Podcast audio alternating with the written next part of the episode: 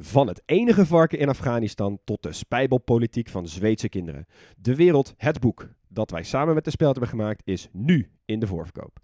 Het is de meest betrouwbare landengids der landengidsen. Het beste boek dat je nooit mag gebruiken bij je eindexamen.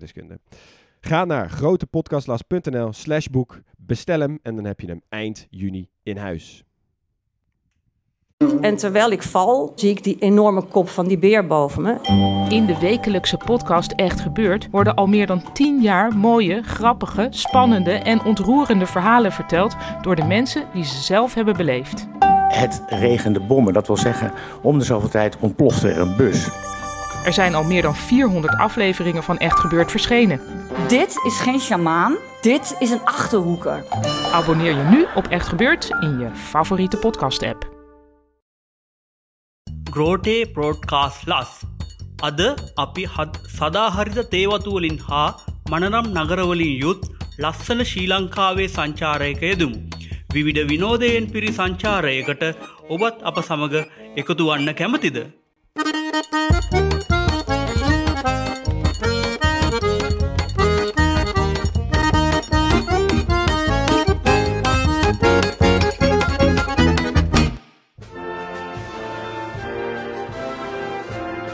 Sri Lanka, de parel van de Indische Oceaan, vanwege de onmetelijke tropische schoonheid en biodiversiteit. Vele soorten planten, dieren en mensen vechten voor hun plek. Maar hoe meer concurrentie, hoe meer strijd. De natuur komt in de verdrukking door vooruitgang van de mens. De mens heeft weer te lijden onder het natuurgeweld en onderling schillen de mensen ook nog wat appeltjes met elkaar. De Teardrop of India, zoals Sri Lanka door haar vorm en ligging wel genoemd wordt, blijkt daardoor onbedoeld een treffende bijnaam. Toch beklijft de Sri Lankaanse schoonheid. Denk aan een schoolklas. Kinderen gehuld in spierwitte uniformpjes, een pot cricket in de grote pauze, vingers nog geel van de rice and curry bij de lunch en een brede glimlach, hopend dat er dit jaar geen ramp of crisis langskomt. Wij hopen mee. Ja, ik hoop het ook, man. Echt, eh, wat, een, wat een briljant land. Sri Lanka is zo mooi, zo groen. Ja, maar je- jij bent er ook geweest, toch? Ja, ik ben er geweest, 2,5 week. Eh, wel vooral aan de kust geweest. Dus eh, er is nog heel veel om te ontdekken. Jij niet, LL? Nee, ik ben er niet geweest. Nee, ik ook niet. Nee, ik heb in mijn onderzoek pas ook. Ik, nou, ik, laat ik zeggen, ik vond het echt lastig. Alles was met elkaar verwoven. Zeg maar economie met geschiedenis, met bevolking, met politiek, met de fysisch geografie. Echt, Ja. Het was echt best wel lastig om het af te kaderen. Ja, klopt. Het loopt heel erg in elkaar over. Ja, loopt heel erg in elkaar over. Je hebt wel van die landen waar je gewoon hoofdstukjes hebt... die allemaal elkaar logisch opvolgen. Maar hier loopt de ene in de ander over... terwijl er nog eentje, nog een andere bezig is. Ja, en heel veel onderlinge afstemming van... oh, doe jij dit, pak jij die. En dan krijg je weer van die lugubere tekstjes als... pak jij even die tsunami mee, want dat is best belangrijk. Ja. Ja. Ja. meer dan bij elk ander land tot nu toe. Ja, wel, en, ja, het viel mij wel inderdaad op. Nou goed, aan het einde beantwoorden we de drie vragen zoals jullie gewend zijn. Waar moeten we dit land verbellen als we een probleem hebben? Wat gaan we missen als het ophoudt te bestaan? En wat zouden wij doen als we één dag in Sri Lanka zouden zijn?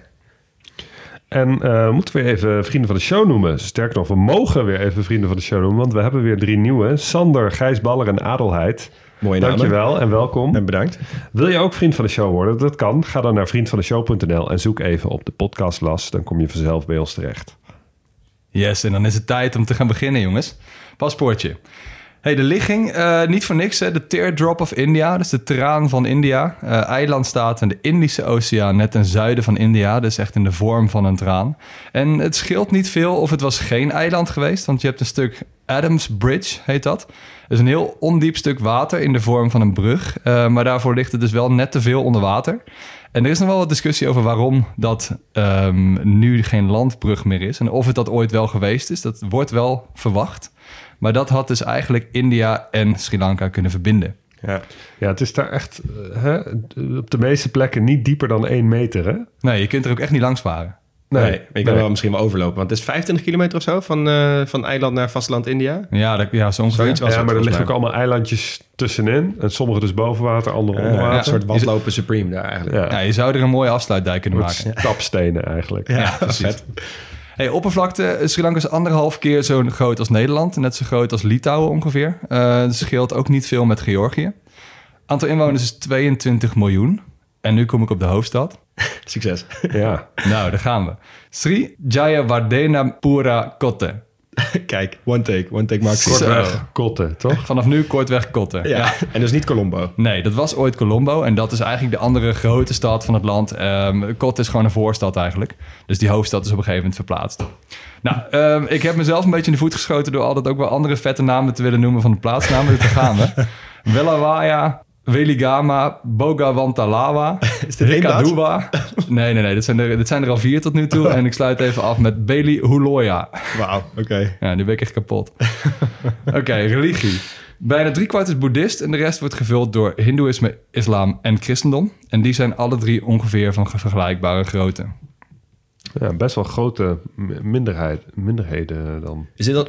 ja, ik wilde zeggen, is dit als eerste overwegend boeddhistische land? Maar dat is Laos dus. Laos was dat, ja. Ja, dat is laatst. Maar die andere groepen zijn dus best wel groot. Ja. En dat is echt interessant. ja.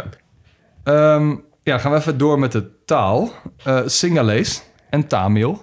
Twee talen die we nog niet gehad hebben. Dat is hartstikke leuk. Engels is een soort verbindingstaal. Hè, dus om groepen met andere talen te verbinden. Eh, Tamil wordt vooral gespro- gesproken in het noordelijke en oostelijke deel. De kustgebieden daar. En Singalees eigenlijk in de rest. En dan kom ik nog even op de achternamen. En dan gaan we. Dat zijn Pereira, Fernando en De Silva. En als je denkt, huh? Ja. Koloniale cliffhanger. Ja. ja. Oké, sluit het paspoortje even af met de vlag. En dit is wel een vrij ingewikkelde om uit te leggen. Stel je even een okergele vlag voor met twee kaders erin. Dus links heb je een verticale rechthoek met twee banen, groen en oranje. En rechts hebben we een horizontale rode rechthoek met daarin een leeuw die dan weer een zwaard vasthoudt. en daarin staan dus ook weer vier blaadjes van de bodyboom. En die blaadjes die representeren naast een heleboel andere zaken de vier grootste religies die we net ook al genoemd hebben. En die kleuren die hebben dan ook weer allemaal ehm, betekenissen. Want groen staat voor de islam en oranje staat voor de hindoes. En die leeuw, die staat dan weer voor die boeddhistische Singalese meerderheid. Oh, ik, ben, ik ben zo blij dat er geen pan-Aziatische kleuren zijn in vlaggen. En dat je dus dit soort creaties krijgt. Ja. Dat is fantastisch. Ja, hij is heel uniek, deze vlag. Je kent hem wel meteen, ja. Ja. Ja. En ik vind het wel tof dat ze dus al die groepen toch wel een soort van plaats hebben gegeven op die vlag. ja. Mooi. Heel mooi.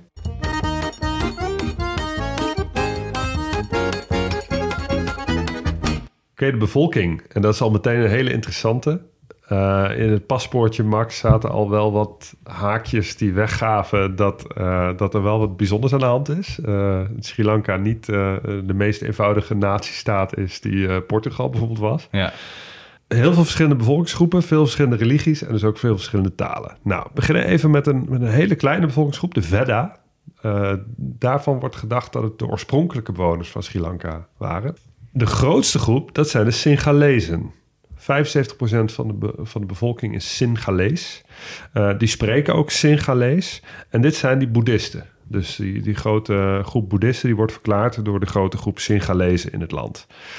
Nou, die zijn er ook al heel lang. Eh, al voor het begin van onze jaartelling zijn zij vanuit India ehm, naar Sri Lanka gekomen. Misschien wel over die Adams Bridge, die toen eh, Ja. goed doorwaadbaar was. Ehm, dus eigenlijk kan je, kan je de Singalezen ook wel oorspronkelijk bevolking noemen. En dat geldt eigenlijk ook voor de Tamils. Eh, dat is de grootste minderheid van het land. Ergens tussen de 10 en de 15 procent van de mensen is Tamil. Die wonen er ook al heel lang. Eh, die spreken Tamil. En zijn in tegenstelling tot de Singalezen hindoeïstisch. We kennen de Tamils vooral uit Sri Lanka. Vanwege van alles wat daar gespeeld heeft tussen de Tamils en de Singalezen. Daar gaan we het natuurlijk later over hebben. Maar eh, wat we daarbij dreigen te vergeten... is dat in India er in absolute aantallen veel meer wonen. Ja. Ja. Eh, daar wonen zo'n 70 miljoen Tamils. Nou, er wonen er ook, eh, ook nog een aantal verspreid over, eh, over de rest van Zuid- en Zuidoost-Azië. Deze groep komt oorspronkelijk dan ook uit India en woont er dus ook al heel lang. Maar in de koloniale periode zijn er ook nog meer Tamils bijgekomen door de koloniale overheersers, die de Tamils te werk stelden op de theeplantages in het binnenland. Ja. Nou, die Tamils die zitten vooral dus langs het noorden en langs het oosten. Maar dus ook heb je eh, minderheden die in de berggebieden wonen, waar je de theeplantages vindt. Ja, ja. Dus dat verklaart eigenlijk de spreiding van de, van de Tamils. Nou, dan heb je nog een eh, minderheidsgroep, de Moren. Ehm, Niet vast, zijn het dezelfde moren als... eh, nou, die, dat is dus grappig. Het is een kleine 10% van, eh, van de mensen. Die spreken soms Singalees, soms Tamil. En deze zijn islamitisch. Ja. Oké. En tot zover de overeenkomst met de mensen die wij kennen als Moren. Namelijk de islamieten die eh, op het Iberisch Schiereiland woonden. Ik verwacht ook allemaal Alhambra's in Sri Lanka, maar dat is niet zo. Nee, het is op het feit dat ze islamitisch na zijn... hebben die groepen niks met elkaar te maken. Maar de reden dat ze toch Moren heten... komt door de Portugezen. Want de Portugezen Oh, kwamen op Sri ja. Lanka. Die kwamen een islamitische bevolkingsgroep tegen. Die dachten, hé, hey, Moren. Oh, die kennen we. En eh, zo heten ze eigenlijk nog steeds. Ehm, een andere hele kleine minderheidsgroep, dat zijn de burgers. Dat heet echt zo, met de letter H ertussen, dus burgers. En dat zijn mensen met een eh, gemengd Europese en Singalese of Tamil achtergrond. Ja, dus, dus vanuit de koloniale... Ja. Een soort mes- mestizo, ja, Ja. ja. Dat is echt nog wel een, eh, een, een hele kleine groep. dit eh, moet wel van het Nederlands woord burger komen, toch? Ja, Ja, lijkt me wel. Ja.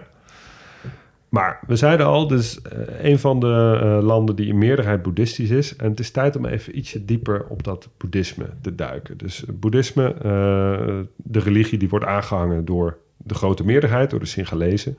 Eh, en Sri Lanka heeft namelijk ook wel best een belangrijke rol gespeeld in de ontwikkeling en de verspreiding van het boeddhisme door Azië.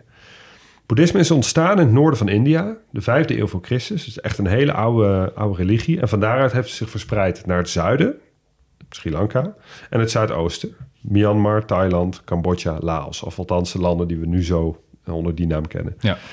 Ehm, in die landen volgde men de oorspronkelijke boeddhistische leer... en die kennen we als Theravada-boeddhisme. Oké. Misschien wel eens van gehoord. Eh, boeddhisme verspreidde zich ook naar het oosten en noordoosten. Eh, dus meer richting ehm, ehm, China, Maleisië, Vietnam, de Korea's, Japan en Nepal. En daar zijn ze het Mahayana-boeddhisme gaan aanhangen. Net een andere stroming binnen het boeddhisme.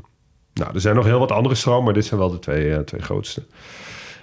Wat grappig is, is dat in India is het boeddhisme in de loop der jaren grotendeels overschaduwd geraakt door andere religies, zoals het hindoeïsme. Maar in de andere landen bleef het een stuk beter overeind. Dus eigenlijk de bakermat van het boeddhisme is helemaal niet meer zo boeddhistisch, maar de landen eromheen wel. Ja, ja, ja. Ja. Nou, Sri Lanka was al, eh, al vrij snel een van de belangrijkste centra ehm, in het boeddhisme. En dat blijkt wel uit het feit dat op Sri Lanka de toespraken van de Boeddha voor het eerst zijn opgeschreven. Oké. Oké, vet. In de eerste eeuwen van het boeddhisme was het eigenlijk gebruikelijk om die toespraken niet op te schrijven, maar mondeling van leraar op leerling door te geven. Ja, Nou, dat leidt natuurlijk een beetje tot. eh, weet je wat we zien in het christendom, zeg maar. ja, precies. Ja. Dat, dat teksten niet helemaal zuiver blijven. En bovendien bleek het wel onhandig, want eh, af en toe eh, brak er wel eens een oorlog uit in die regio. Wordt, werd een hele monnikenorde uitgemoord. en het voortbestaan van het geloof kwam op die manier wel, eh, wel in gevaar. Dus eh, En los daarvan, dat spelletje van vroeger, toch, dat heet in het Engels Chinese Whispers. Ik weet niet of het in het Nederlands ook zo heet. Dat iedereen één voor één een, een verhaaltje moet doorvertellen aan de persoon naast je, maar moet fluisteren in je oor. En Oh, dan- maandagochtend eh, in de schoolklas Ja. met, eh, met de Ja, basisschool. en wat er dan aan het einde uitkomt, dat is echt een stuk levendiger dan wat er in het begin in is gegaan. Ja, zeg precies. maar. Nou, dat is natuurlijk met heel veel religies zo gebeurd. Ja. Maar eh, nou goed, dat was een van de redenen om het uiteindelijk toch maar eens gaan, eh, gaan opschrijven. Dat hebben, dus, hebben ze dus op Sri Lanka gedaan tijdens de vierde raadsvergadering van het Theravada. We hebben het ongeveer 100 voor Christus. 500 monniken namen deel. En die vergadering duurde drie jaar. en het resultaat is de Pali-kanon. En dat is eigenlijk een verzameling van boeken. Het ziet er een beetje uit als een, eh, een heel veeldelige encyclopedie. eh, die het- de Bijbel van het boeddhisme vormt. Oké. In de periode tot aan nu heeft het boeddhisme op Sri Lanka dus vooral eh, overleefd. Ehm, maar Sri Lanka heeft nogal een roerige geschiedenis gehad, zoals we wel later zullen merken. Vele oorlogen, waardoor ook, uh, ook die monniken er niet altijd uh, goed overeind bleven. En er is ook heel, om die reden heel veel uitwisseling nodig geweest tussen Sri Lankese monniken en monniken uit landen in Zuidoost-Azië. Ja. Om dat geloof een beetje overeind te uh, houden. En de monnikenpopulatie in die landen over en weer te herstellen als dat nodig was. Ja, ja. Nou, het boeddhisme had in Sri Lanka ook wel te lijden onder de koloniale overheersers. Want die bra brachten vaak christelijke missionarissen met zich mee. Ja. Nou, een positieve uitzondering daarop is eigenlijk de Amerikaanse kolonel Henry Olcott. Um, dat is een meneer die eigenlijk in heel veel kol koloniën uh, terecht is gekomen en daar tegen de lokale bevolking heeft gezegd van... hé, hey, jullie moeten trots zijn op het geloof wat jullie eh, oorspronkelijk aanhangen. Eh, trek je niks in van, eh, van, de, van de kerstening van de koloniale macht. Eh, sympathie. Ja, vind ik vet. Heb waardering voor je roots. Eh, volg ook vooral onderwijs in het, eh in het Singalees. Hoe heet deze man? Alcott? Henry Alcott. Oké. Ja. Vriend van de show vanaf nu. Ja. Ja, vanaf nu vriend van de show. Dus best wel eh, een, een positieve uitzondering als het gaat om figuren in het westerse kolonialisme. Vrijheid van de religie. Ja, dat sowieso. Ja. Want, ehm, nou, dan pak ik hem even over voor de geschiedenis. Want eh, hè, je, zei het al, heel lang geleden waren de Tamils er, de Singalezen waren er. Wij skippen hem even naar voren naar de, eigenlijk de 15e eeuw. Toen werd het eh, Koninkrijk Kandy gesticht, of Kandy. Eh Candy met een K, niet Candy met van Candy Crush met een K, met een C. Ehm, en dat was eigenlijk een soort monarchie op het, eh, op het eiland. En het was een beetje in het centrale en het oostelijke deel, maar vooral in het binnenland. Dat heeft er eigenlijk voor gezorgd dat die monarchie best wel lang kon blijven bestaan. Want, nou, wie kwamen er als eerste langs op het eiland Sri Lanka? Zullen de Portugezen wel zijn? Absoluut de Portugezen. nou, eh, die hebben dus natuurlijk alleen wat handelspostjes aan de zijkant. Wie kwamen er daarna langs? Dat zullen wij dan wel zijn. De Nederlanders, ja. die hebben dus wat meer in het binnenland gedaan. Maar die zijn dus ook niet doorgetrokken tot helemaal het binnenland. De Portugezen hebben er tussen 1505 en 1658 gezeten. Dus 100, meer dan 150 jaar, best lang. Vandaar ook die achternamen, denk ik. Hebben zij ehm, ook Sri Lanka eh, de naam Ceylon gegeven? Dat weet ik eerlijk gezegd niet. Dat zou best wel eens kunnen. Volgens mij wel namelijk. Ja, want ik denk het wel. Want later hebben ze natuurlijk zelf gekozen om niet meer Ceylon te heten. Dus dan ga je er wel vanuit dat het een, eh, een koloniale naam is. Eh, maar goed, maar dat zou je even moeten uitzoeken. Eh, en de Nederlanders hebben er daarna gezeten van 1658 tot 1796. Ook nog weer bijna 140 jaar. Dus ze hebben gewoon eh, bijna 300 jaar onder eerst Portugees en toen Nederlands bewind geleefd. En dan vooral de kust. En drie keer raden wie er daarna kwam. Ja, dat waren de Britten. Dat waren de Britten. En die hebben het natuurlijk wel alles En aangepakt. die hebben alles gedaan, kroonkolonie van gemaakt eh, en gewoon alles is Brits, weet je wel. Ehm, en dat is best wel een eh, belangrijk eh, overheerser geweest, om het even zo te noemen. Want zij hebben ook best wel veel de Tamils voorgetrokken in verschillende, eh, verschillende plekken. Ze, hè, de- de- want zij kenden de Tamils al vanaf andere landen. Want ze hadden ook al India en ze waren in die regio heel erg aanwezig. En daar zit ook natuurlijk ook, hè, zoals je net al zei, heel veel Tamils. Dus zij waren bekend met de Tamils, kenden de taal, wisten een beetje wat voor lui dat waren. En trokken ze daarom veel verder voor dan die Singalezen. Terwijl die Singalezen waren met veel meer. Nou, en wat krijg je als je een kleine groep heel erg voortrekt ten opzichte van een hele grote andere groep? Conflict Ja, ruzie. gezeik. Dus eh, hier werden al zeg maar de eerste, eerste zaadjes geplant voor wat later natuurlijk een best wel groot conflict werd tussen die twee. Eh, hè, zoals we wel op heel veel andere landen in de wereld hebben gezien, hoe belangrijk de koloniale tijd is geweest voor de heden, hedendaagse politieke situatie in een land.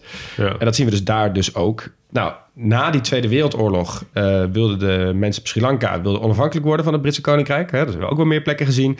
En dat gebeurde dus ook in 1948. En toen werd het land Dominion Ceylon genoemd. Oké. Vette naam. Overigens ook in een tijd dat en India en dus Bangladesh eh, Ja. ook hun eh, onafhankelijkheid En kregen. Pakistan. En Pakistan, Dus het is ja. echt een gekke huis in die regio toen. ja. Het duurde wel tot 1972 voordat Sri Lanka ook daadwerkelijk Sri Lanka heette. Dus eh, het heeft nog een paar jaar Ceylon geheten. En Ceylon is natuurlijk voor ons nu nog wel bekend van bijvoorbeeld De kaneel. de kaneel En de thee. En de thee. Ja, dus precies. mensen kennen die naam wel. Dus waarschijnlijk ooit een keer een vraag bij een van onze pubquizzen, denk ik. Eh noem me de huidige naam van het, eh, van het land Ceylon. Dus onthoud dat. Ik heb trouwens even opgezocht. Ehm, de naam Ceylon komt al eh, van veel verder eh, terug. Volgens mij is het een Arabisch woord. En de Portugezen die kwamen dus als eerste en die noemden het dus Ceilao. Signaal. En eh, ja, dat is een mooi, een mooi woord. Classic Portugees weer. En de Britten maakten het uiteindelijk ook eh, maakten het definitief Ceylon. Oh ja, oké. Nou, sinds die onafhankelijkheid eh, hebben ze dus het Singalees de officiële taal van het, officiële taal van het eiland genoemd. Ehm, het Tamil werd wel toegestaan op bepaalde plekken, maar er was wel een soort hoe zeg je dat, represailles van, oh ja, jullie Tamils zijn nu al zo, zoveel jaar voorgetrokken door de Ja. Britten. Wij nemen nu even het heft in handen. Eh, en daardoor werden dus ook best wel veel weer eh, opstandjes en geweld wat oplaaide tussen twee groepen. En dat is eigenlijk in de jaren tachtig knalde dat uit elkaar in eh, wat wij nu zien als de burgeroorlog van Sri Lanka. Eigenlijk wil ik jullie daar even kort in meenemen, want dat is denk ik waar de meeste mensen bijvoorbeeld ook de Tamils van kennen. Van Ja. natuurlijk de...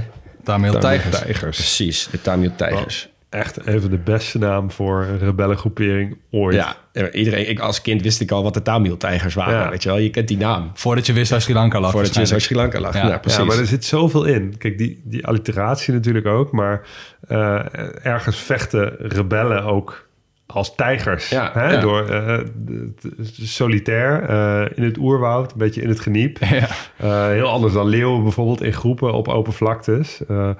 Tamil leeuwen zou, het, zou nooit kunnen. Ja. Zou geen recht doen aan, aan de manier van vechten. Nee, nee, nee, precies. En aan de lokale fauna. Ja, Ja. nou, nou, nee, ja, we komen er zo op waarom, waarom zij zo vechten zoals zij vechten.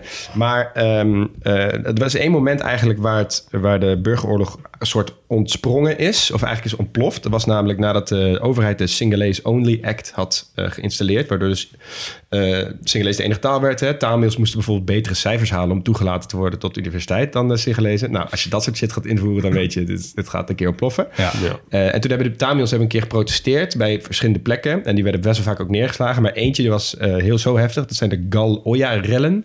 Daar zijn 150 Tamils eh, vermoord door Singalese bendes. En toen is het eigenlijk ontploft. Toen hebben ze de eh, Liberation Tigers of Tamil Elam opgericht. De LTTE, oftewel de Tamil-tijgers. En zij, hebben, eh, zij, waren, zij stonden bekend als een compromisloze groep. Geïnspireerd door Che Guevara. Dus vandaar de, hè, de, de tijger manier van, eh, van vechten. Ehm, en wat er eigenlijk gebeurde was... de FBI die noemde ze al vrij snel een terroristische groepering... omdat ze allerlei terreurtactieken hadden ingezet. Ze waren ook heel snel al met zelfmoordterroristen... zelfmoordgordels en vrouwen die eh, zelfmoordaanslagen pleegden... Ehm, en deze groep is dus veran- verantwoordelijk voor het vermoorden van twee wereldleiders. Namelijk de India's premier Rajiv Gandhi. Oh ja, joh. Geen familie van, maar wel de zoon van eh, Indira Gandhi. Eh, en de Sri Lankaanse president Rana Singh Premadasa. Die hebben ze gewoon vermoord. En ze hebben ook nog een minister eh, zijn, eh, volgens mij zijn ogen uitgestoken of zo. Ze hebben echt verschrikkelijke aanslagen gepleegd in die jaren die daarna. Ja, dat is niet fraai. Dat is niet fraai, maar, maar... wat het Sri Lankese leger er tegenover stelde was ook niet fraai. hè? Exact. De VN, mensenrechten, tak van de VN heeft ook gezegd... joh, jullie, jullie hebben ook echt verschrikkelijke dingen gedaan. Hè? Tamil studenten vermoorden of mensen laten verdwijnen. Dat soort, eh, dat soort dingen. Dus het was eh, geen fraaie oorlog. Het is natuurlijk moeilijk voor het internationale recht als allebei de partijen niet zulke fraaie dingen doen. Nee, precies. Over en weer werden er veel aanslagen gepleegd. En uiteindelijk is dus, eh, er zijn ook nog verschillende eh, peace talks geweest. eh, vredesonderhandelingen. Die zijn ook al een paar keer mislukt. En eh, ook weer dat het geweld weer opnieuw is opgeleid. Uiteindelijk hebben ze toch na 26 jaar oorlog... op 20 mei 2009 een vredesakkoord getekend. Maar dat betekent niet dat het zeg maar nu allemaal koek en ei is tussen die twee groeperingen. Want het is nog steeds super gesegregeerd. Ze leven allebei ook echt op andere plekken op het eiland. Eh, en wat zij zelf, wat, wat het eiland zelf eigenlijk ook een beetje zegt, is dat dus die meerderheid van die Singalese, die wonen in het rijke deel hè, van Sri Lanka. Daar komen we straks wel op in het zuiden, waar ook eh, Colombo ligt. en Kotta. En de Tamils, die zitten in een veel minder ontwikkeld stuk van het noorden van het land, waar ook, ook veel meer militaire aanwezigheid is, Ja. zeg maar. Dus Ja. Ja, dus die, die eh, ik, ik zou er niet gerust op zijn dat dit nu voor altijd eh, Gesetteld is, nee. is, inderdaad. Maar het is ook echt een lange burgeroorlog. Bijna 30 jaar. Ja, Ja. ja. ja, maar ja, 30 jaar, maar dus eigenlijk nu nog steeds heel gespannen. En voor die tijd ook, Ook, al heel ja. gespannen. Het is, het is zo'n eh broeinet van conflict, al ja, maar het is, eeuwen. ja, En- het is een land anderhalf keer zo groot als Nederland. 22 miljoen mensen Ja. en twee grote groepen die tegenover elkaar staan. Ja, Ja, maar wat, wat een beetje de pest is... Als je kijkt naar die verhouding van die groepen... Hè, 75% eh Singalese, nou, 10 à 15% eh Tamil... Dat is, dat is net een ongelukkige verhouding. Want ja. eh, die Singalezen die zijn nou, wel veruit de grootste. Dus eh, de, de verhouding is te ongelijk... om bijvoorbeeld een soort oplossing te kiezen... waarbij de twee partijen evenveel te zeggen hebben... Ja.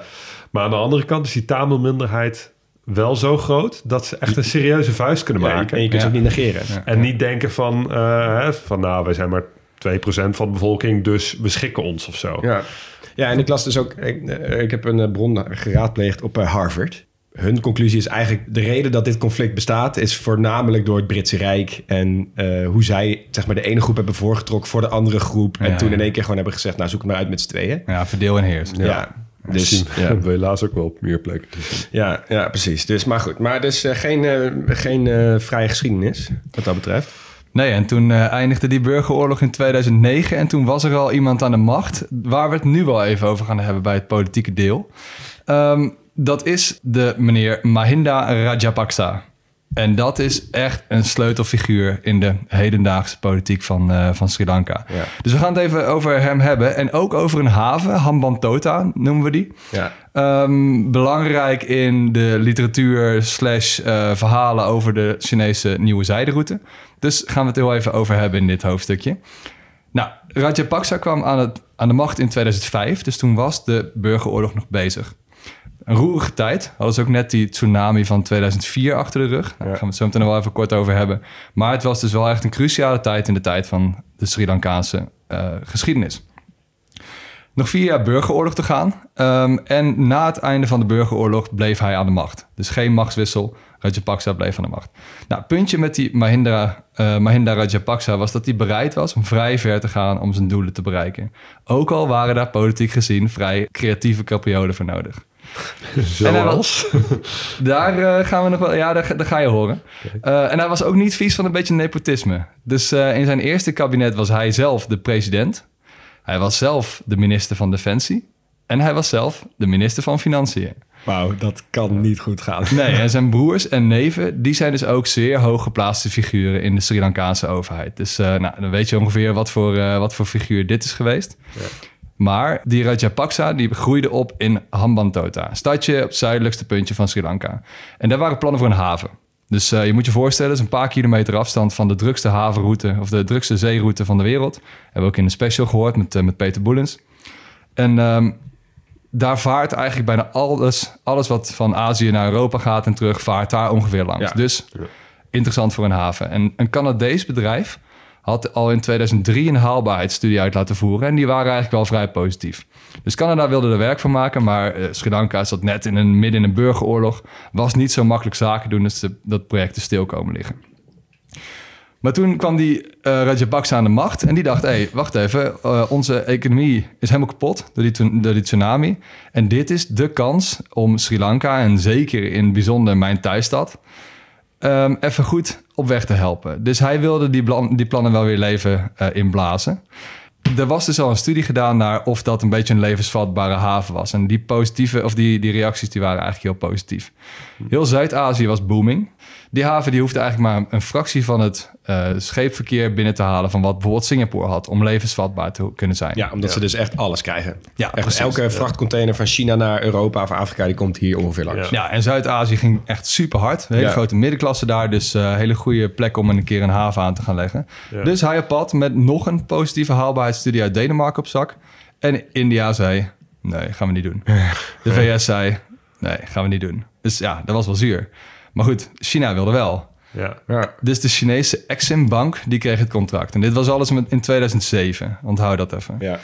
De burgeroorlog van Sri Lanka was in de laatste en bloedigste fase. En die, eh, er was een flinke financiële crisis natuurlijk in de wereld. Ja. Dus dat ging allemaal ook niet zo fijn. Dus ze vonden het eigenlijk best wel een goede deal. Want het is super moeilijk om midden in zo'n burgeroorlog en een economische crisis aan 300 miljoen dollar te komen. Ja, want alle westerse landen die zeiden sowieso... los eerst even die burgeroorlog op en al die andere dingen. Precies. En China die wilde wel. Dus eh, zij gingen bouwen en dat ging best wel goed. Dus binnen drie jaar was het, eh, was het compleet. Compleet volgens afspraak. Maar die eerste fase ging vooral om bulk. Geen containers. Dus burgeroorlog was afgelopen en Rajapaksa die had gewonnen. Dus die wilde het land een boost geven. En wat deed hij? Hij ging meteen door naar de tweede fase. Containerhaven. Terwijl iedereen in die haalbaarheidsstudies had gezegd... hey, wacht nou even tot je een beetje cent aan het verdienen bent met die haven. Maar nee, ze gingen door. Dus ehm, nog een keer een lening van 757 miljoen dollar geleend van China. En in de tussentijd vernoemde die die haven nog wel even naar zichzelf. Ja. Nou, tussen 2012 meerden er wel geteld 34 schepen aan. Dat is echt hè, een fantastisch goed Dus voor. dat ging nog niet zo lekker. En toen kwamen de verkiezingen van 2015, waarin de minister van Volksgezondheid eh, Sirisena campagne ging voeren. En tegen alle kansen in won hij die verkiezingen met retoriek tegen de schuldeneconomie van Rajapaksa. Maar ja, hij zat nog wel opgela- eh, opgezadeld met die schuldenlast. En die schuldenlast die was inmiddels net zo groot, of die was groter bij Japan en bij de Wereldbank en van heel veel andere delen in de wereld dan bij China. En in 2017 was die schuldenlast 4,5 miljard dollar, waarvan slechts 5% te maken had met die haven van Hambantota. Ja. Dus het was zeker niet dat die leningen allemaal bij China uitstonden om dezelfde haven. Ja, en dat is, dat is inderdaad goed om te zeggen. Ja. Want er is heel veel te doen omdat China altijd geld uitleent aan die landen. Precies. Ja, Ja, dus ehm, al die partijen waar ze schulden bij hadden, die wilden eigenlijk niet wijken. Hè, dus die wilden, de, de, eh, aan, die wilden niks aanpassen in de voorwaarden. Ja, die wilden gewoon Behalve China. Ja. Dus China zei, hey, eh, we kunnen, wat we ook kunnen doen om die schuldenlast te verlichten... is die haven van Hambantota voor 99 jaar le- leasen aan China Merchants. Nog een partij. Ja. En dat hebben ze gedaan. Maar wat wel interessant is, is dat dit verhaal dus wordt verteld als een soort van klassiek nieuwe zijderoute verhaal. Waarin China eigenlijk loert op een kans om arme landen te verleiden tot, hele hoge schulden. Waarvan Ja. ze eigenlijk al weten dat het commercieel niet interessant is.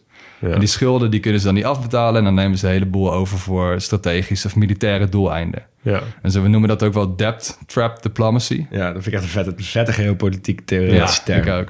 Maar het ligt dus wel wat genuanceerder. Ja. Ja, ve- ja veel, veel eh, genuanceerder. Want het verhaal wat je in het Westen heel erg leest is... oh ja, China gaat naar arme landen... een of ander megalomaan project verkopen ze daar. Nou, zorgen ze ervoor dat die lui geen geld hebben. Ja. Eh, of die, die lui hebben er eigenlijk gewoon niet genoeg geld voor... maar die willen het wel. Die zien dollartekens in hun ogen bij een of andere nieuwe haven of vliegveld. Ja. Ja. Gaan vervolgens akkoord met dat de Chinezen daarheen komen om het te bouwen. Want die Chinezen willen dat altijd zelf doen. Ja. Eh, eh, kunnen vervolgens twee of drie jaar later de schuld niet meer terugbetalen. En China zegt dan, oké, 99 jaar gaan we je land leasen. Of 80 of 50 Ja. of wat dan ook. En dan is het ineens een Chinese hub. Ja, Ja, maar zo ze worden er verkocht. Eigenlijk eh, een soort van toegedwongen... doordat die andere schuldeisers die schulden niet willen herstructureren. Nou, sterker nog, Dat China ook. is de enige die die schuld gaat her- herstructureren. Ja. Ja, daarom. ieder geval in Sri Lanka dan, hè? Ja. Ja. en wat wel speelt hier is dat dit echt al begon in 2007. Dat is zes jaar voordat Xi, Xi Jinping zijn Ja. nieuwe zijderoute presenteerde. Ja. Ja. En bovendien was hetzelfde plan al twee keer door een westerse partij haalbaar bevonden. Dus het was ook niet zomaar plan. Nee. Wat China zelf heeft ehm, geïnitieerd. Sterker nog, Sri Lanka heeft het zelf geïnitieerd. Ja, precies. Ja. Dus het is niet alsof China met een plan naar die landen toe kwam... en zegt van, joh, ik heb nog een, Ja. een idee. Ja. Waarvan zij zelf al wisten dat het niet ging slagen. Het ligt wel even net iets anders. Dus hier zou je tegen bijvoorbeeld de Verenigde Staten kunnen zeggen... echt eigen schuld dik bult. Ja. Dit is- nou, dit ja, hebben ik weet jullie niet, ik weet niet mede echt zelf schuld dik veroorzaakt. bedoeld, maar kijk, eh, het- geeft maar weer eens aan dat die hele internationale geopolitieke relaties veel lastiger liggen dan heel veel mensen in eerste instantie denken. Het is heel makkelijk om naar China te wijzen en te zeggen: Oh ja, jullie willen nu de wereld overnemen. Daarom hebben jullie overal vliegvelden en havens eh, laten bouwen. En dan kunnen die mensen dat niet, of die landen kunnen dat niet terugbetalen. En dus gaan, eh, krijgen jullie die basis. Nee, Ja. die- jullie wilden in eerste instantie die havens niet bouwen. Sri Lanka Nee. lag in puin. Dus die, die, die zagen een economische kans. Vervolgens kijken Ja. ze de hele wereld rond. Niemand wil ze helpen. En de Chinezen wel, want die, die vinden het allemaal wel prima. Weet je wel? Die, die hebben niet zoveel eisen aan, eh, zoals bijvoorbeeld Europese of Amerikaanse bedrijven eh, die hebben. Ja, er wordt wel gesproken. Tuurlijk, het, het past wel mooi in een lijstje waarin China prima han- handig uitkomt dat ze nu een haven kunnen overnemen. Alleen het is wel iets genuanceerder dan dat de meeste bronnen zeggen. Ja, precies. Nou, dat eventjes over de haven van Hambantota. Als je mij vraagt, heel interessant ehm, qua geopolitiek van de 21ste eeuw. ja, en nogmaals, wij- wij willen echt deze die nieuwe zijderoute special Ja, maken. precies. Met, met een expert. Met een expert. Dus Ben, Ja. of ken je een expert? Nou, hoe is het nu afgelopen met die Rajapaksa? Nou, die familie die heeft dus de macht weer teruggepakt. En zijn broer, Gotabaya Rajapaksa, is president geworden. En Mahinda Rajapaksa, dus de oude president, is nu premier geworden. Dus dat is een lekkere constructie. Maar dat is niet helemaal geworden wat die Sri Lankanen ervan gehoopt hadden. Want op dit moment is het wel heel onrustig in het land. Er heerst een grote economische crisis. Mede dus door die schuldenpolitiek van die, eh, van die twee mannen. En deze lente zijn er na flinke protesten toch wel alle ministers opgestapt. En inmiddels is ook dus de oude rot, Mahinda Rajapaksa, die is er ook vandoor. Hij heeft dus zijn ontslag aangeboden aan zijn broer. Ja. En Gotabaya je is op dit moment dus de enige die er nog zit. En het is dus ontzettend spannend wat er gaat gebeuren. En de situatie verandert met de dag. Dus wij houden het goed in de gaten. Maar nu hebben we in ieder geval wat meer achtergrondinformatie over deze mannen. Ja, en check ook eh, de socials, want daar zullen we dit soort dingen ook wel plaatsen. Ja, alles wat we niet vooruit kunnen zien, dat zetten we erop. Yes.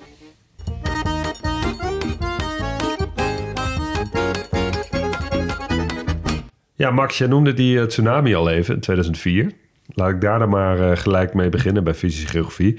Ehm, want ja, tsunami op dit gebied klinkt misschien een beetje gek, want Sri Lanka is zelf eh, helemaal niet echt aardbevingengebied, een vulkanisch gebied, want het ligt midden op de Indische plaat, dus ver van plaatgrenzen af. Maar toch hebben ze in 2004 behoorlijk last gehad van de zeebeving die heeft plaatsgevonden bij, bij Indonesië. Enorme aardbeving, 9, nog wat op schaal van Richter.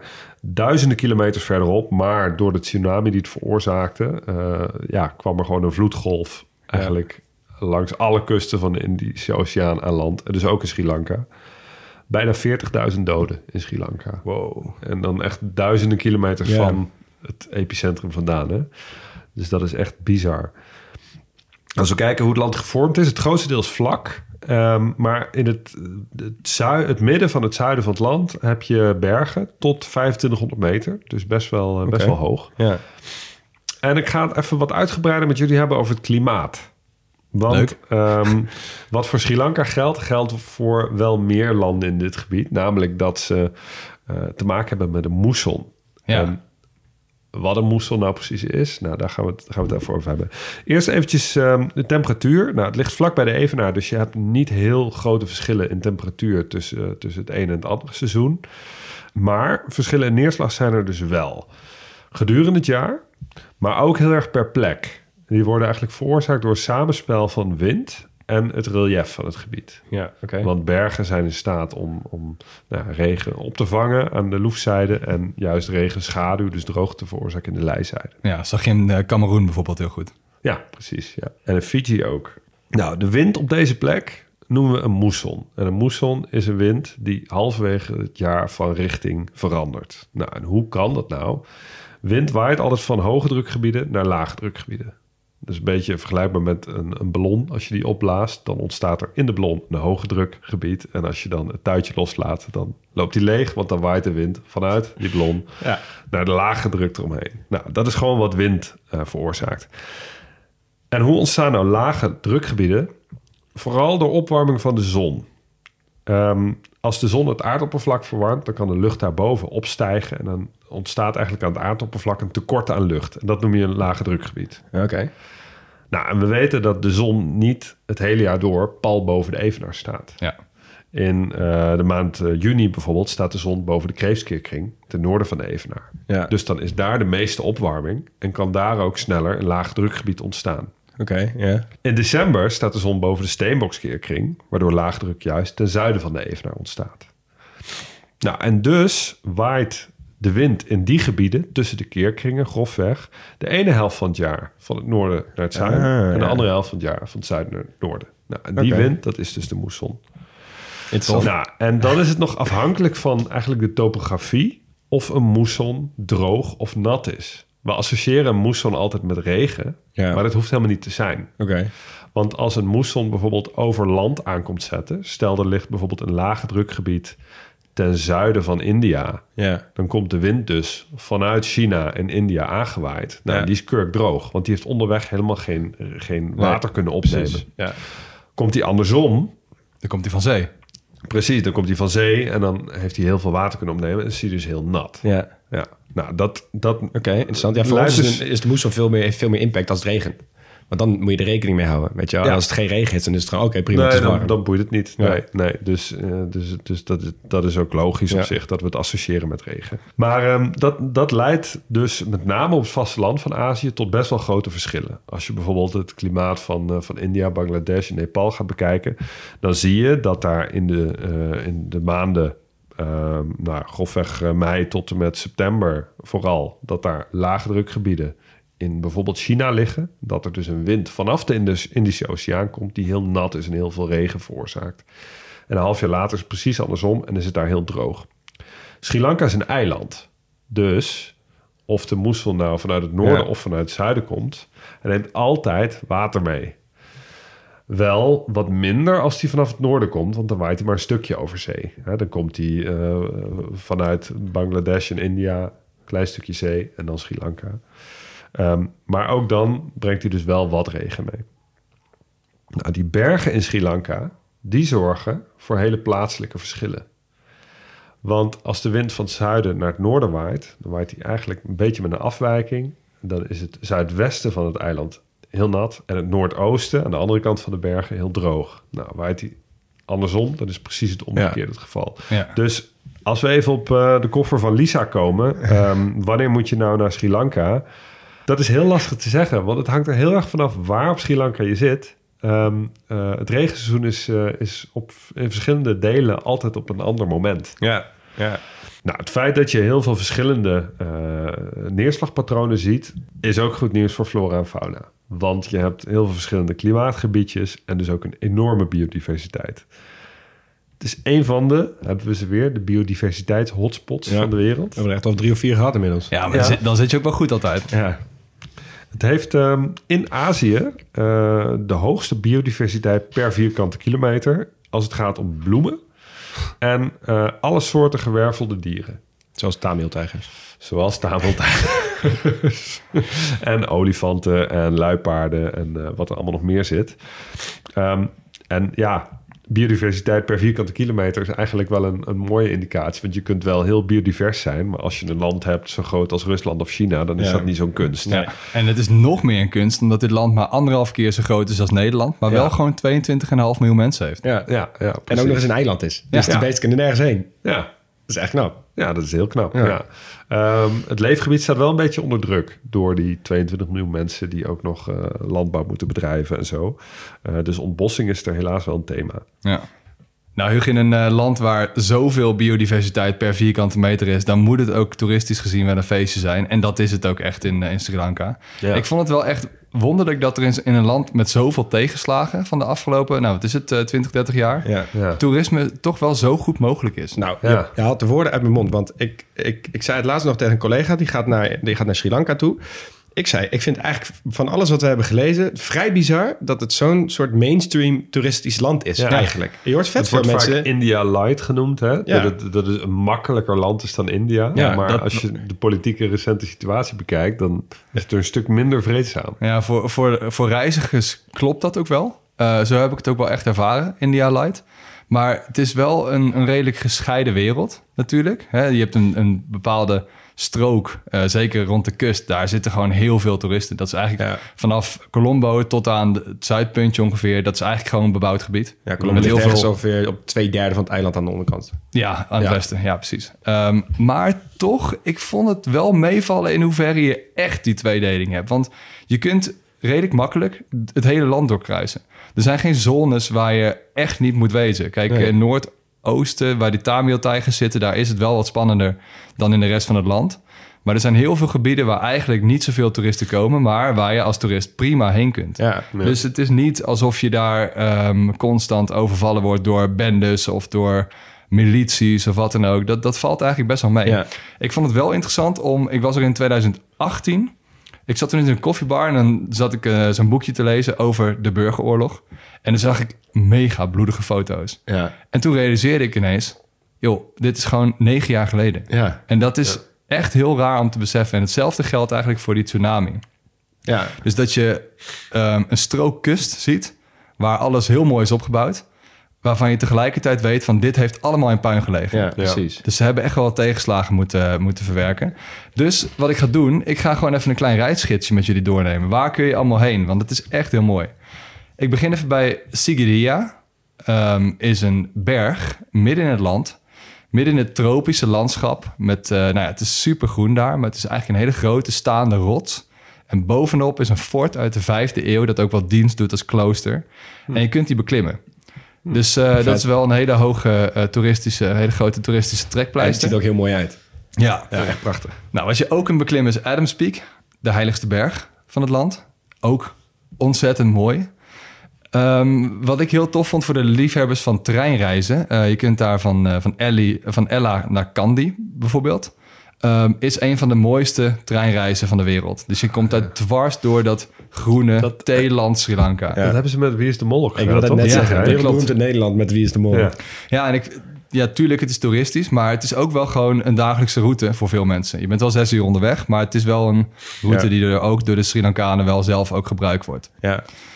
En natuurlijk, hè, we komen er zo meteen in het eh, hoofdstukje keuken nog wel op, maar je kunt daar natuurlijk ook naar heel veel theeplantages om heel veel verschillende soorten thee te proeven. Ja. Ehm, heel interessant trouwens om te horen hoe dat precies verbouwd wordt en om het echt aan het werk te zien. Ja, Tof. Ja, ja, precies. Ja, ze hebben daar ook dus heel veel van die theeproeverijen en ehm eh, theeveilinghuizen en Ja. zo, waar thee dan, zeg maar, waar de, de, de producenten van thee met soort, ja, de vervoerders, de consumenten van de thee eh mieten. Onze geluidsman Jonas heeft daar ooit een mini-documentaire over gemaakt en daar gaan we nu een stukje van luisteren.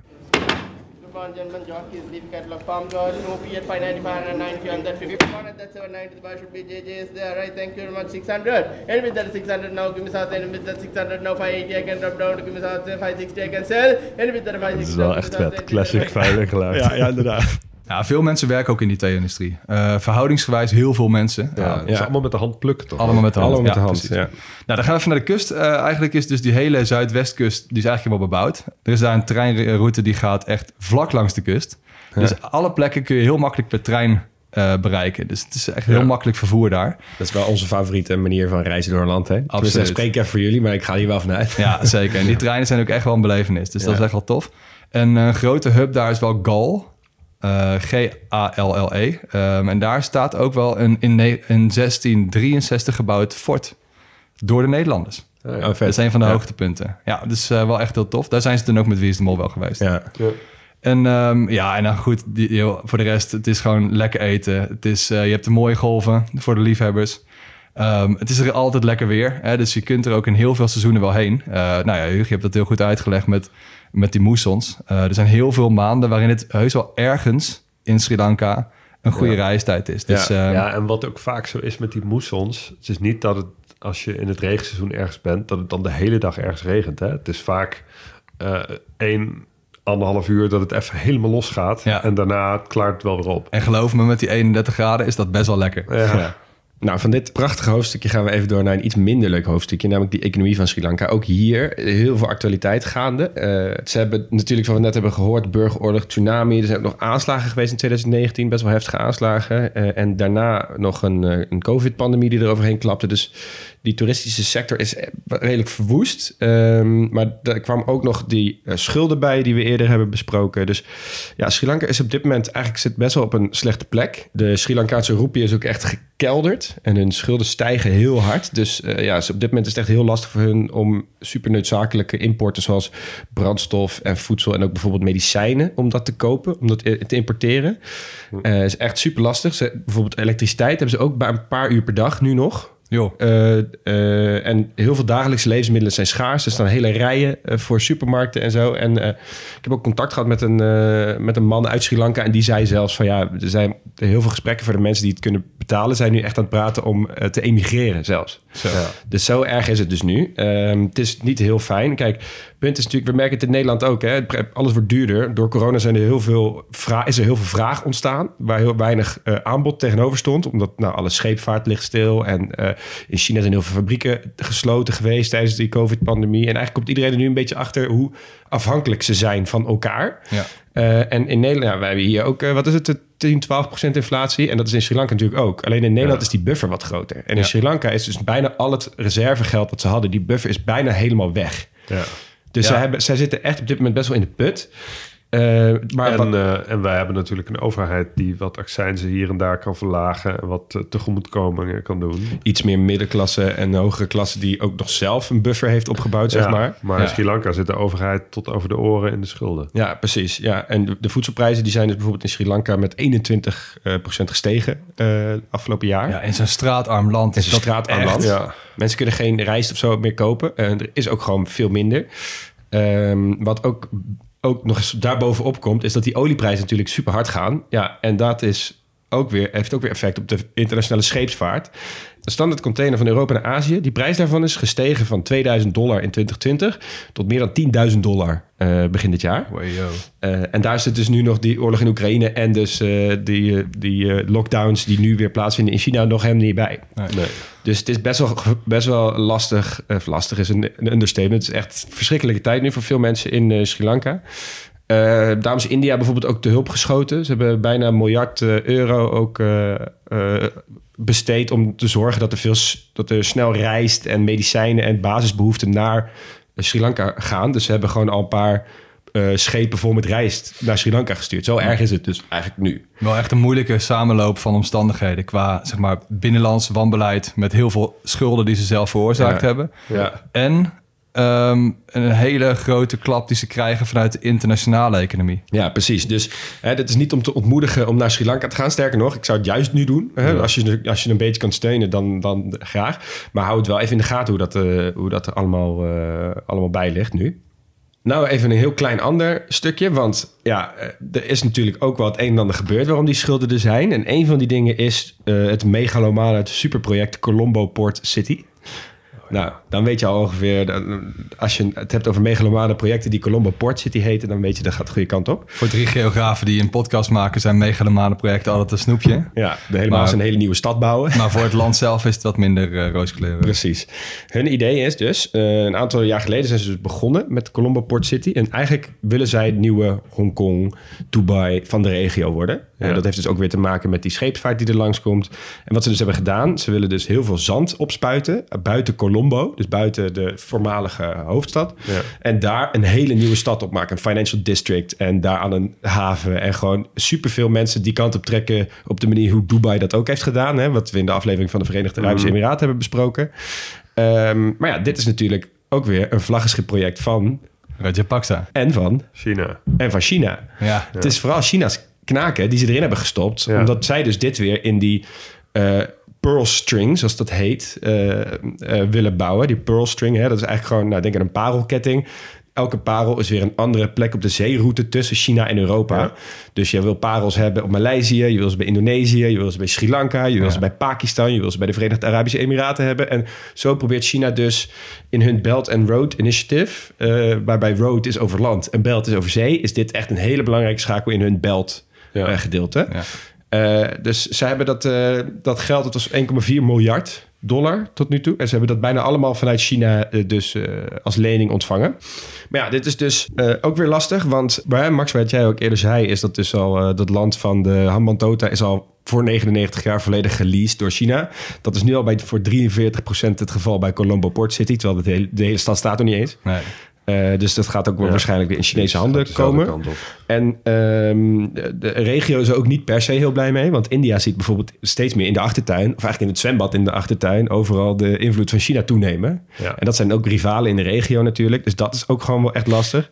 Eh, bovendien wordt er ook alweer gesproken over witwaspraktijken... en over eh, misstanden in de bouw. Nou goed, eh, en dan dus nu dus die economische crisis er ook bovenop geklapt. Dus het is ook maar de vraag in hoeverre dit, dit allemaal succesvol gaat zijn. Ja, het is waanzin. En daarnaast ook nog eens voor, voor wie dan? Hè? Dus niet voor de Singalees die in de theeplantage in het binnenland werkt waarschijnlijk. Nee. Dus Ik ben wel in Colombo geweest toen ze hier al aan het bouwen waren, maar ik heb er dus niks van meegekregen. Dat vind ik echt heel zonde. Maar eh, dit is wel even de moeite waard om op Google Maps op te gaan zoeken, want je kunt nu al zien wat ze aan het doen zijn. Ja. En het is fucking groot. ja. Wat dus wel heel opvallend is, is als je zoekt naar bronnen bij deze dingen. Dus ik zit op die Atlantic Economist en dus op die Harvard bronnen. Ze spreken elkaar allemaal een beetje tegen, omdat het allemaal niet heel duidelijk is wat nou die leningen zijn van China. Ze weten niet precies hoe die andere leningen lopen, wat ze nou allemaal verschuldigd zijn. En bovendien heb ik ook nog een bron gelezen die dus zeggen dat landen als Sri Lanka, maar bijvoorbeeld ook Sierra Leone en eh, wat we later zullen zien, landen als bijvoorbeeld Kenia, dat zij dus ook heel goed weten dat als zij nu tegen het Westen zeggen, ah jongens, kijk, China, eh, China neemt al, al onze dingen over, dat ze heel veel sympathie en dus ook weer geld en leningen vanuit de westerse wereld krijgen. Dus Ja. die, Ja. het is niet alsof die landjes als Sri Lanka allemaal zielig en worden gebruikt door de grote machten. Zij weten zelf ook heel donders goed wat voor politiek spel ze eigenlijk aan het spelen zijn. Ja. Ja. Dat is goed. Ja, goed om iets echt in de gaten te houden de komende tijd. Ja.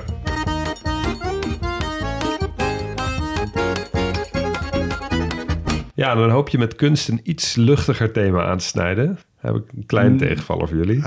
Eh, want ja, ik moet toch weer even hebben. de- de- Wat me opvalt, is dat eh, eigenlijk de meest beroemde Sri Lankese kunstenaars hebben bijna allemaal ook eigenlijk wel een deel van hun leven buiten Sri Lanka geleefd. Of zijn juist buiten de grenzen doorgebroken. Ja. En dat zegt natuurlijk ook weer iets over eh, het politieke klimaat in het land de, de afgelopen jaren.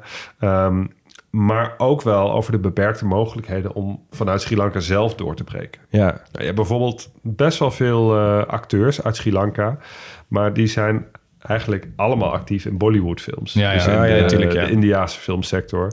Ehm, Maar dat Die- is ook logisch, toch? Ik bedoel, dat is het wil maken, ga je naar een groter land, ja. ja, dat, ja, dat is zo. Alleen eh, die Sri Lankese acteurs die spreken geen Hindi. Eh, maar die worden wel in, in Bollywood-films ingezet. En die Ah. worden dus ook vaak nagesynchroniseerd door, door eh, Oh. ja, Oké. stemacteurs die wel Hindi spreken. Ja. Nou, het bekendste telg daarvan is Jacqueline Fernandez. Goeie naam. Ehm, ja, ik- een goed voorbeeld ook, want geboren in Bahrein. eh, een Sri Lankese moeder, een Maleisische vader, ook nog Canadees bloed, gestudeerd in Australië, eh, maar wel de Sri Lankese nationaliteit. Voor dat land ook eh, Miss Universe geweest. Echt? Dus het is een mooie verschijning. En daarna doorgebroken in Bollywood. Ja, ja, oké. Wauw, oké. Maar heeft ze überhaupt één dag in Sri Lanka gewoond? Ja, zeker wel. Ah, oké. Ja. Een ander voorbeeld van een eh Sri Lankese kunstenaar met een ingewikkelde achtergrond is een schrijver, Michael Ondaatje. Vond dat echt Ja. zo'n mooie naam. Dat moet wel een Nederlander zijn. Dat ja, het, is, Nederlandse het, is een, eh, het is dus zo'n burger van Tamil-Nederlandse afkomst. ja? Eh, hij heeft zelfs een Utrechtse voorvader. Hij is geboren in Colombo. Hij is dus wel echt geboren in, eh, in Sri Lanka. Maar als kind al naar Canada verhuisd. Er wonen best wel veel Sri Lankanen in Canada ook. En hij is het meest bekend van het boek The English Patient. Oh. Die ook verfilmd Ja, is en een Oscar heeft gewonnen. Ja. En ehm, misschien wel de bekendste eh, Sri Lankaanse artiest in de moderne tijd is MIA. Zeker. Groot fan. Ik ben groot fan. Tof. Zangeres. Zij doet ook best wel veel eh, vette dingen met eh, het Sri Lankaans in haar nummers, weet ja, ik. zeker. Ja. Eh, let maar op. Zij is namelijk de dochter van eh, een van de leiders van de onafhankelijkheidsbeweging van de Tamils. Kijk. Dus zij is Tamil. Ja, Oh ja, joh. interessant. Ja, Maar is zij dan heel populair ook in, in, de, in de rest van het land? dat denk ik niet. Nee, dat denk ik dan ook niet. Nee, dat denk ik zeker niet. nee. Zij is opgegroeid tijdens de burgeroorlog en met haar moeder en zus heel veel ontheemd geweest. Ze is geboren in Londen, maar toen ze een half jaar was weer terug naar Sri Lanka gegaan. Oh, oké. Ja. Toen weer naar India eh, gevlucht. Toen weer terug naar Sri Lanka. Toen weer naar India. En uiteindelijk toen ze elf was, eh, zijn ze weer naar Londen gegaan. En daar zijn ze gebleven. En met haar vader heeft ze heel weinig contact gehad tijdens eh, haar jeugd. Want Ja. die moest zich telkens verborgen houden voor Ja, het Sri. Lankaanse leger. Ja. Nou, en in Londen eh, ontwikkelde ze eigenlijk de, de creatieve brein. Ehm, ze ging aan de slag met film, graffiti, kleding maken en uiteindelijk ook muziek. Dus ze Ja. heeft heel verschillende dingen gedaan. En ze maakt super vette clips. En ze maakt ja, geweldige Ja, maar dit is echt zo'n zo'n artiest die meer is dan een Zangeres, zanger die de studio ja. ingaat, even wat inzingt en klaar. Ja. Ze maakt echt de hele, eh, de hele ding zelf, zeg maar. Het is helemaal van haar. En ze Ja. vond de artistieke vrijheid ook heel belangrijk. Ze weigerde een aantal eh, echt lucratieve platenlabels, omdat ze het belangrijk vond om, om echt haar eigen weg te blijven gaan. Ja. We, we kennen haar natuurlijk van het nummer Paper Planes.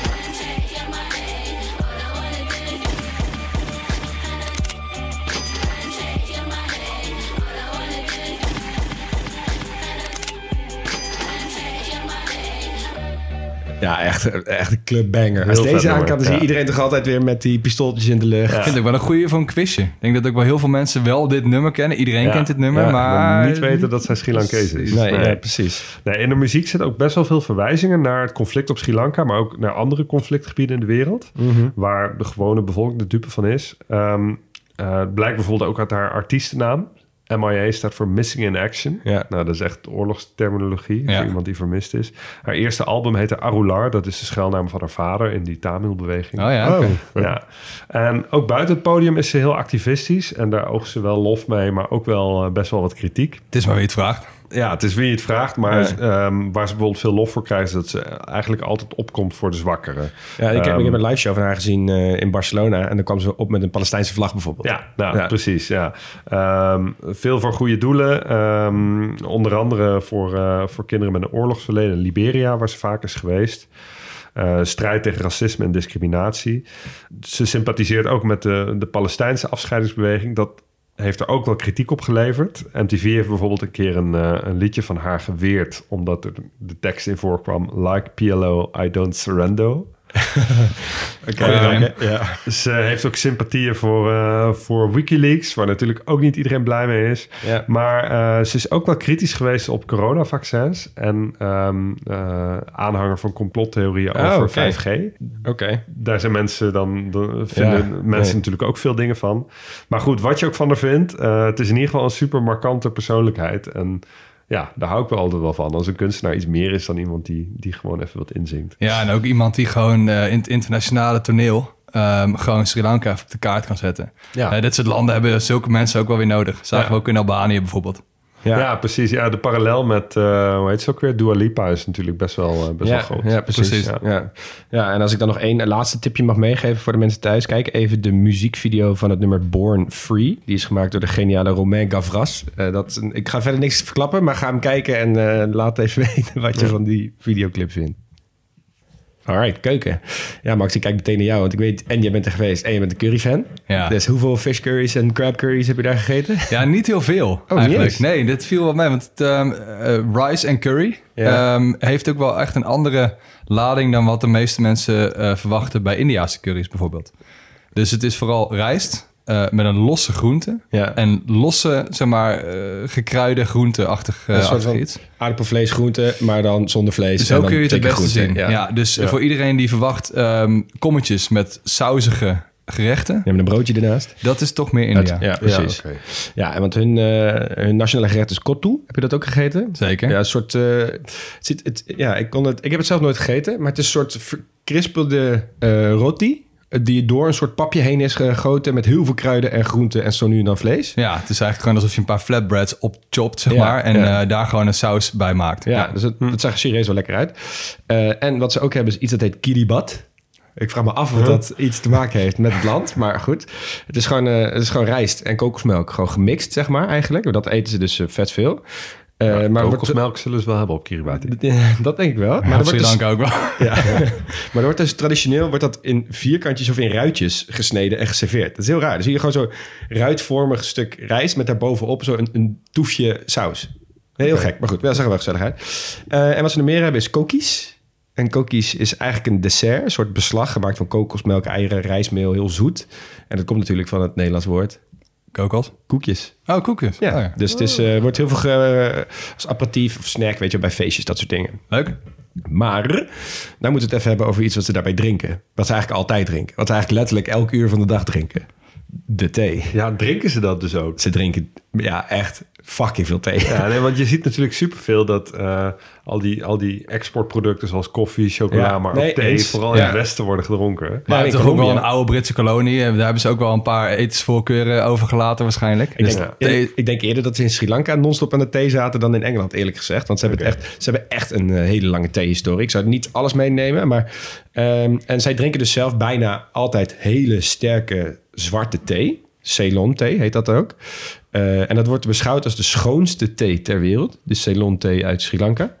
Eh, er zit, vrij, zit geen pesticiden of additieven bij. Het is gewoon echt handgeplukte theebladen.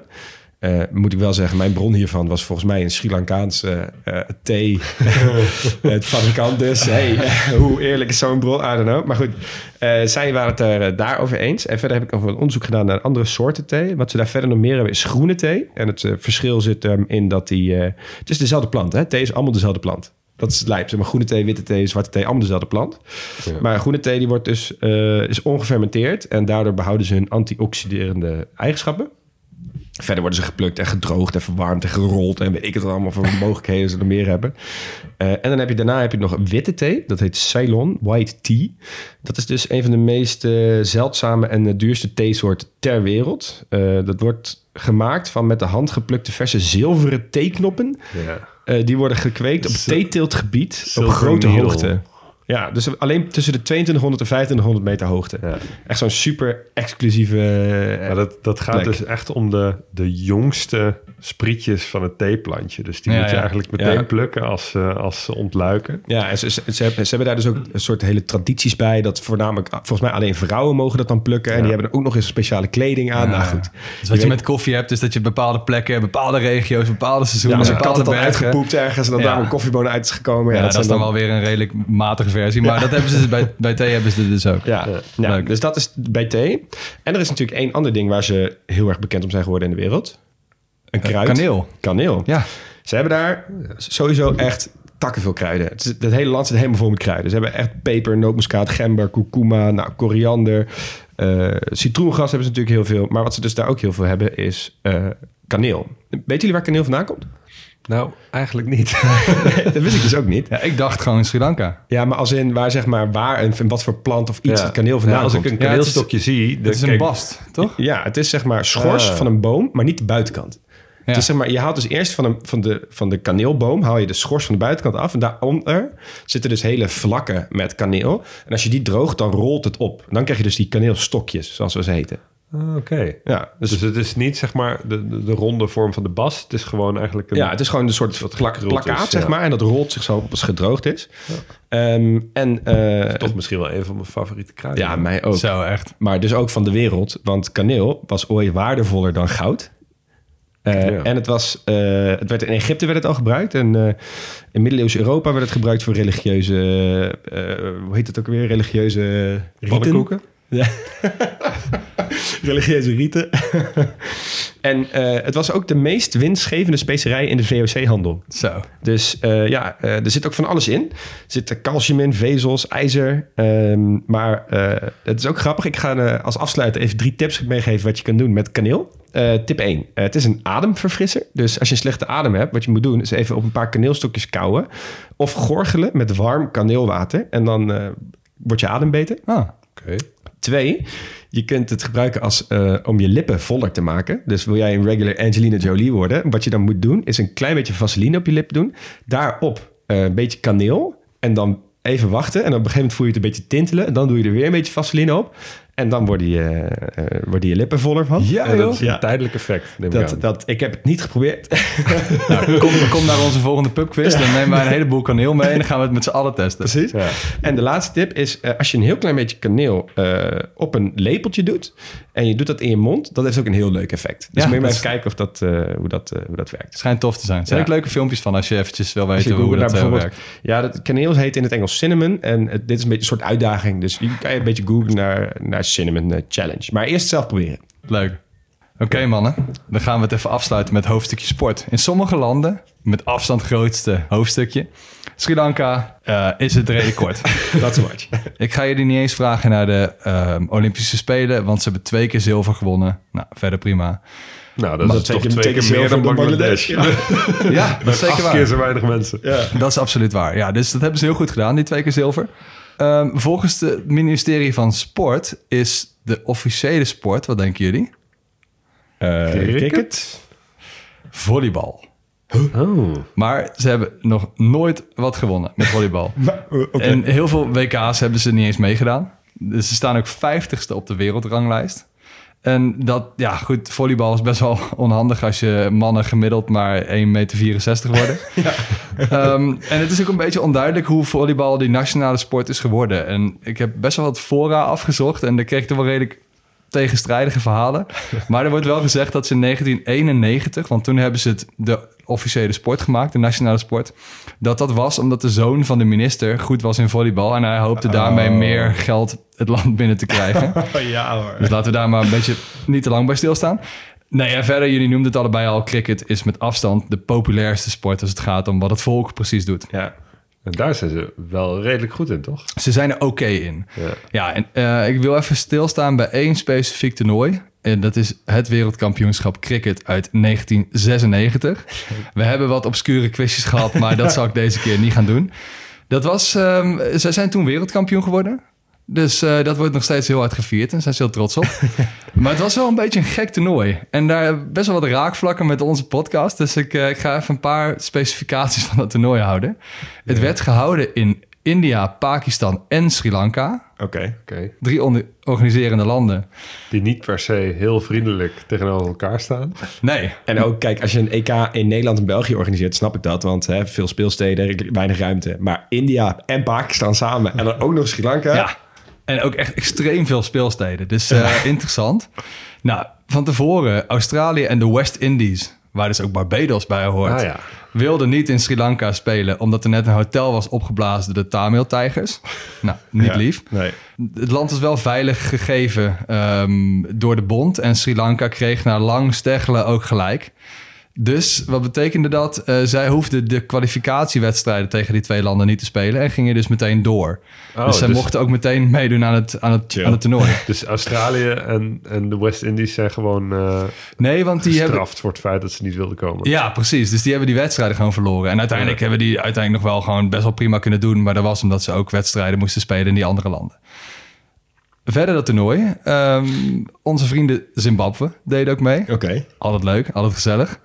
Ehm, geen Golden Girls deze keer, dus eh, nee, ze hebben niet gewonnen. Maar wie wel ook mee wilde doen, waren Nederland. Oh, echt? Maar die hebben alle kwalificatiewedstrijden verloren, onder meer tegen de Verenigde Arabische Emiraten. Hey, joh. Hoe verlies je een cricketpot tegen de Emiraten? Dat is een goede vraag. Ja, ik was er niet bij, maar eh, ik denk dat er mensen zijn die daaraan mee hebben gedaan die het je wel kunnen vertellen. hey, verder, eh, Sri Lanka die moest in de kwartfinales tegen Engeland en toen in de halve finale tegen India. In India. In een stadion dat heette de Eden Gardens. Oké. Is een stadion in wat toen nog Calcutta heette. En eh, het stadion bestaat nog steeds. Eh, schattingen was dat er 110.000 supporters bij die Oh, wedstrijd wow. waren.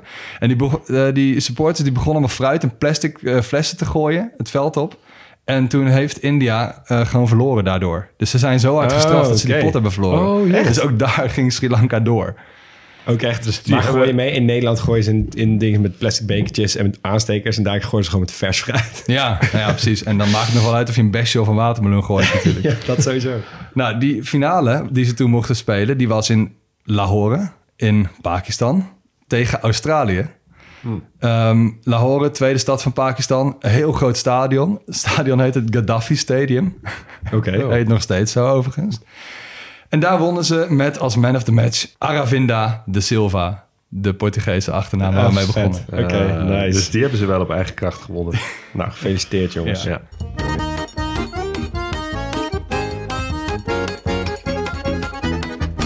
Nou jongens, zijn we weer aan het einde gekomen. Wat kunnen wij leren van, eh, van Sri Lanka?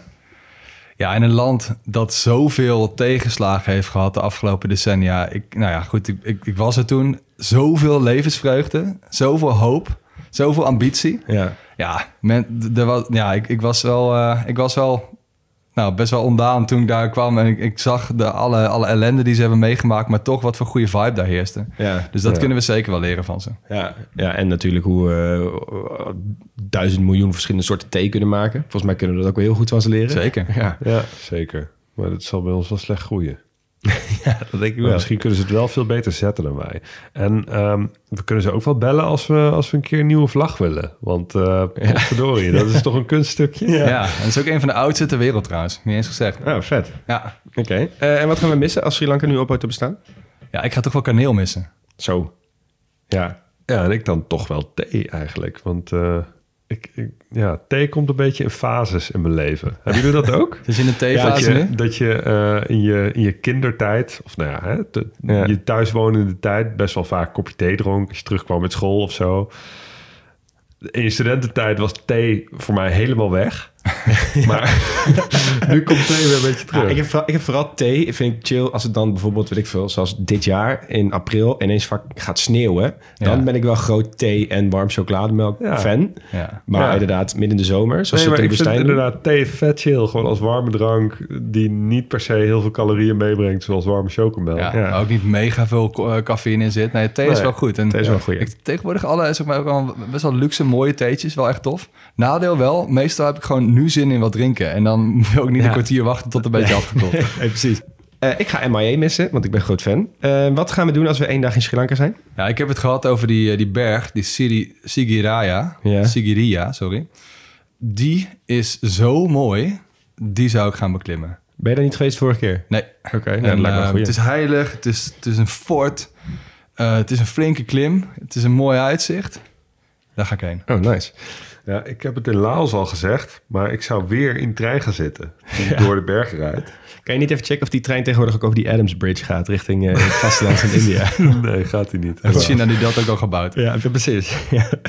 ja, ik ga toch even koekeloeren bij Port City Colombo. Ja, ik zo. ben, eh, ik ben wel echt benieuwd hoe ze dat nu aan het opstuiven zijn, zeg maar. En dan sowieso die stad Colombo lijkt me ook wel één groot feestje.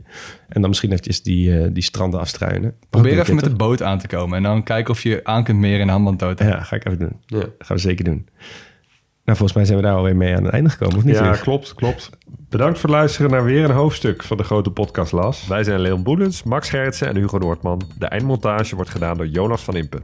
Zoals je hoorde zijn we nooit volledig, maar wel origineel. Geen experts, maar wel liefhebbers. Hebben we iets verkeerd gezegd of zijn we iets cruciaals vergeten? Volg ons en laat het weten via Twitter of Instagram op @grotepodcastlas.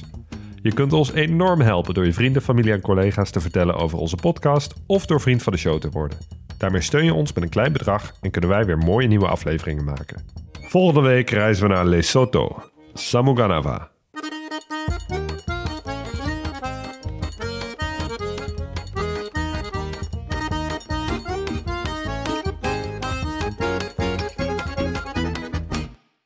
Yo, luisteraar, luister je nog steeds? Klasse man, je hebt er gewoon helemaal afgeluisterd. Nou, nu je tot hier bent gekomen, koop dan ook gelijk even ons boek hè. grotepodcastlas.nl slash boek. Doei!